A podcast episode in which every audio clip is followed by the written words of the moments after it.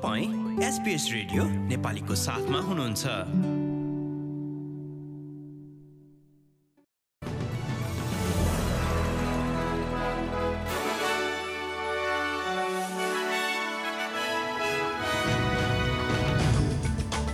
नमस्कार आज हो मङ्गलबार छब्बिस सेप्टेम्बर दुई हजार तेइस र अब पालो भएको छ एसपिएस नेपालीबाट आजका प्रमुख अस्ट्रेलियाली समाचारहरू सुन्ने।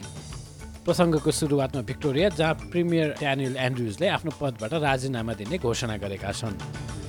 भोलि बुधबार सत्ताइस सेप्टेम्बर बेलुकी पाँच बजेदेखि लागू हुने गरी एन्ड्रुजको उक्त राजीनामाबारे आज उनले मेलबर्नमा एक्कासी आयोजित गरिएको एक पत्रकार सम्मेलनका क्रममा बताएका हुन्। ड्यानियल एन्ड्रुज लगभग एक दशकदेखि भिक्टोरियाली सरकार प्रमुखको पदमा थिए। अन्य अन्तर्राष्ट्रिय विमान सेवाहरूको अतिरिक्त उडान सञ्चालनमा अङ्कुश लगाउन क्वान्टसले सङ्घीय सरकारमाथि दबाव उत्पन्न गरेको बारे एक संसदीय समितिले जाँच गर्दैछ। ब्रिस्बेनमा आज मङ्गलबार र क्यानबरामा भोलि बुधबार उक्त समितिको सुनवाई कार्यक्रम छ। सार्वजनिक सेवा आयोग वा पब्लिक सर्भिस कमिसनद्वारा हुने समीक्षाको प्रतिवेदन नआउन्जेल आफू जिम्मेवारी मुक्त हुन गृह मामिला मन्त्रालयका सचिव माइकल पेजोलो तयार भएका छन्। गृह मामिला मन्त्री क्लेयर ओनिलले भनेपछि उनी उक्त कदम लिन तयार भएका हुन्। यसअघि उनले लिबरल पार्टीबाट मन्त्री भएका दुई नेताहरूलाई प्रभावित पार्न वैकल्पिक।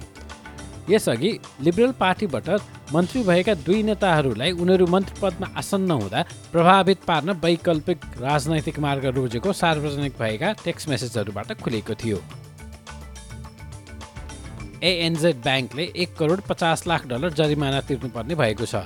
आफ्ना ग्राहकहरूलाई उनीहरूको क्रेडिट कार्ड खाताका लागि मासिक शुल्क तिर्नु नपर्ने भन्दै भ्रमित गरेका कारण सङ्घीय अदालतले आज मङ्गलबार उक्त निर्णय सुनाएको हो। ब्याङ्कले मे दुई हजार सोह्रदेखि नोभेम्बर दुई हजार अठारसम्मको बिचमा एक लाख छयासी हजार खाताबाट शुल्क बापतको पैँतालिस डलर र क्यास एडभान्सहरूमा ब्याज दिएको थियो। अदालतले आफ्नो निर्णय सुनाउने क्रममा ब्याङ्कले तदारुकता नअप्नाएको इमान्दारिता नदेखाएको र निष्पक्षताका साथ आफ्नो दायित्व निर्वाह नगर्नुका साथै आर्थिक नियमहरू तोडेको पाएको थियो। हालसम्म ब्याङ्कले त्रियासी लाख डलर प्रभावित खातावालहरूलाई फिर्ता गरिसकेको बताइएको छ। र खेलकुदमा दि अस्ट्रेलियन प्रोफेसनल लिग्सले पूर्व Labour senator Stephen Conroy A लिगका पहिलो स्वतन्त्र अध्यक्ष हुने घोषणा गरेको छ। युकेमा जन्मेका कनरोय बिस वर्ष भिक्टोरियाली सिनेटका सदस्यका रूपमा रहनुका साथै सङ्घीय सञ्चार मन्त्रीको पदमा समेत आसीन थिए।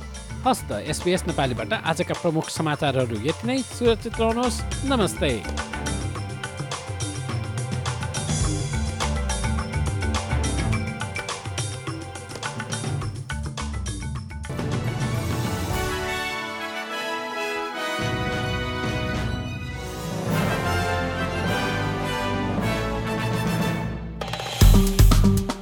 लाइक सेयर र कमेन्ट गर्नुहोस् एसपिएस नेपालीलाई फेसबुकमा साथ दिनुहोस्।